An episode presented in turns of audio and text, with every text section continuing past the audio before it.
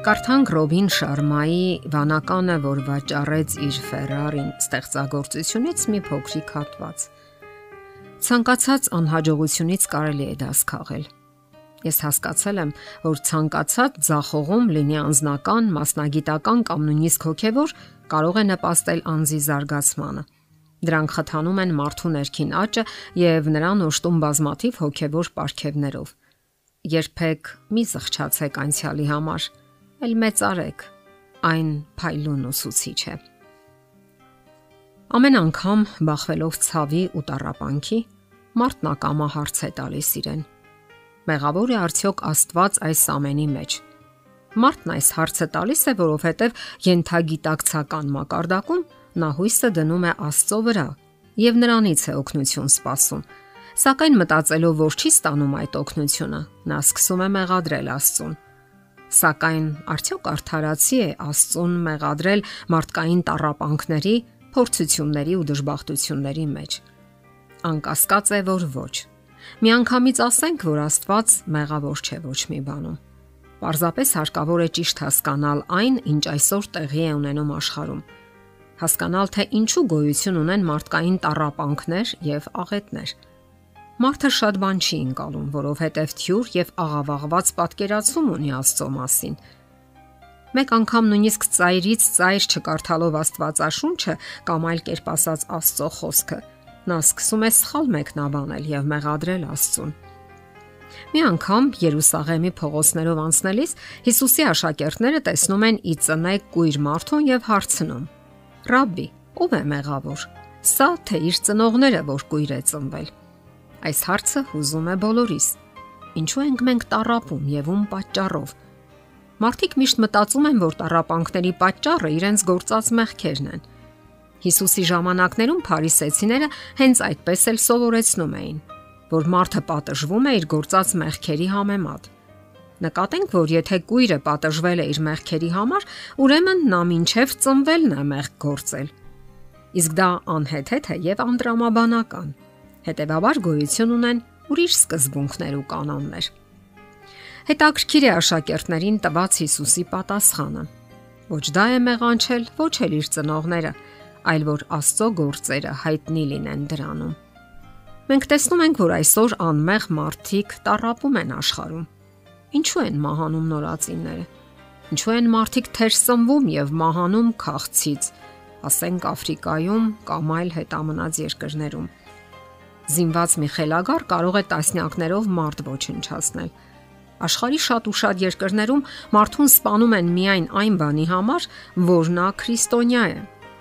Միջնադարյան ինկվիզիցիան կամ հավատաքննությունը 50-ից 100 միլիոն մարդու է զրկել կյանքից միայն այն պատճառով, որ նրանք կարդում էին Աստվածաշունչը եւ հավատում Քրիստոսին։ Այսօր յուրաքանչյուր 5 րոպեն 1 աշխարհում մի քրիստոնյա է սպանվում իր դավանանքի համար։ Միայն այս վերջին ամիսներին ահաբեկչության զոհ դարձան մի քանի 100 քրիստոնյաներ միանգամից։ Իսկ ինչ կասեք պատերազմների մասին, հիվանդանոցների, վաղաժամ մահերի կամ այլ բռնարարքների։ Արդյոք այս ամենի մեջ մեղավոր է Աստված։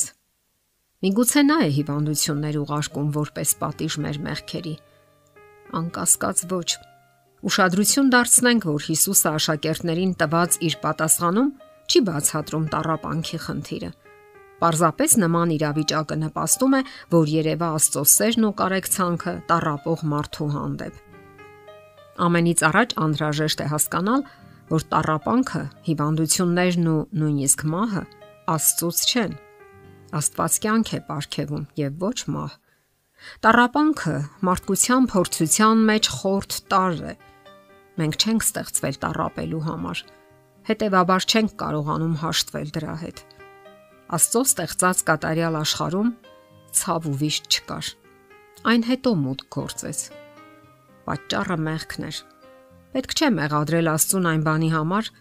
որ աշխարհն այսօր հեծում է մեղքի բեռանտակ։ Այն պահից, ինչ մեղքը հայտնվեց մեր աշխարհում, Տարապանքը իրականություն դարձավ ինչպես բարի, այնպես էլ չար մարդկանց համար։ Աստվածաշնչում ոչ մի տեղ չենք կարդում այն մասին, որ եթե ընդունենք Հիսուսին, կազատագրվենք մեր բոլոր ցավերից, մեր բոլոր խնդիրներից, տարապանքներից։ Իսկ ահա Սաղմոս 46-ում Դավիթն ասում է. Աստված մեզ համար ապավեն է եւ զորություն։ Նեղությունների մեջ նա շատ օգնական գտնվեց։ Այսօր յուրաքանչյուր մահ մեզ հիշեցնում է, որ ոչ ոք չի խուսափելու մահից որ բոլորս էլ ունենք մահկանացու ուժասպառվող եւ մարող մարմին, որ բոլորս ենք մի օր անցնելու մահվան հովտով, մահվան ստվերների ձորով։ Ահա այստեղ է Աստծո պատասխանը մարդկային տարապանքներին։ Ամենավատ իրավիճակում անգամ մենք կարող ենք հուսալ Աստծո պաշտպանությանը եւ ներկայությանը։ Երբ Հիսուսը մեր կողքին է, ոչ մի բան սարսափելի չէ մեզ համար Որքան էլ փչեն կյանքի հողմերը եւ մոլեգնեն մարդկային խարդավանքները, Հիսուսը պատրաստ է օգնության ձեռք մեկնելու։ Եթե նույնիսկ մենք դժում ենք անարդար կերպով, գոյություն ունի Աստվածային դատ եւ այն մի օր կարդարացնի մեզ կամ էլ կդատապարտի։ Պետք է պարզապես հուսալ Աստծո դատաստանին եւ ապավինել նրան։ Տարապանքների պատճառն այն է, որ գոյություն ունի մարդկության ճշնամին՝ սատանան, որը միշտ ցանկանում է ցավ պատճառել մարդուն։ Նա անսահմանորեն ուրախանում եւ ցնծում է, երբ մարդը տարապում է, արտասվում կամ մահանում։ Իսկ մարդիկ սխալմամբ մտածում են, թե մեղավոր Աստված է։ Ահա թե ինչու են այսօր շատերը հեռանում Աստծուց, մտածելով, որ միևնույնն է, տարապում են թե անհավատները, թե Աստծո զավակները։ Սակայն հիշենք, Աստված արդար է կատարյալ հավիտենական Աստվածը չի կարող անարդար լինել։ Երկրի վրա գոյություն ունեցող անարդարությունների պատճառը ուրիշ տեղ պետք է որոնել։ Պատճառը մեղքն է։ Մեր սեփական եւ ուրիշների մեղքերը։ Սխալ պատկերացումները Աստծո եւ Աստվածային ճշմարտությունների մասին։ Շատ ավելին մենք կիմանանք հավերժական կյանքում։ Իսկ մինչ այդ թող մեզ համար ուղեցույց լինեն Դավիթ թագավորի հետևյալ խոսքերը. Թեև գնամ մահի շուքի ձորում, չար բանից չեմ վախենա, որովհետև դու ինձ հետ ես։ Եթերում ղողանջ հավերժության հաղորդաշարներ։ Ձեզ հետ է Գեղեցիկ Մարտիրոսյանը։ Հարցերի եւ առաջարկությունների համար զանգահարել 033 87 87 87 հեռախոսահամարով։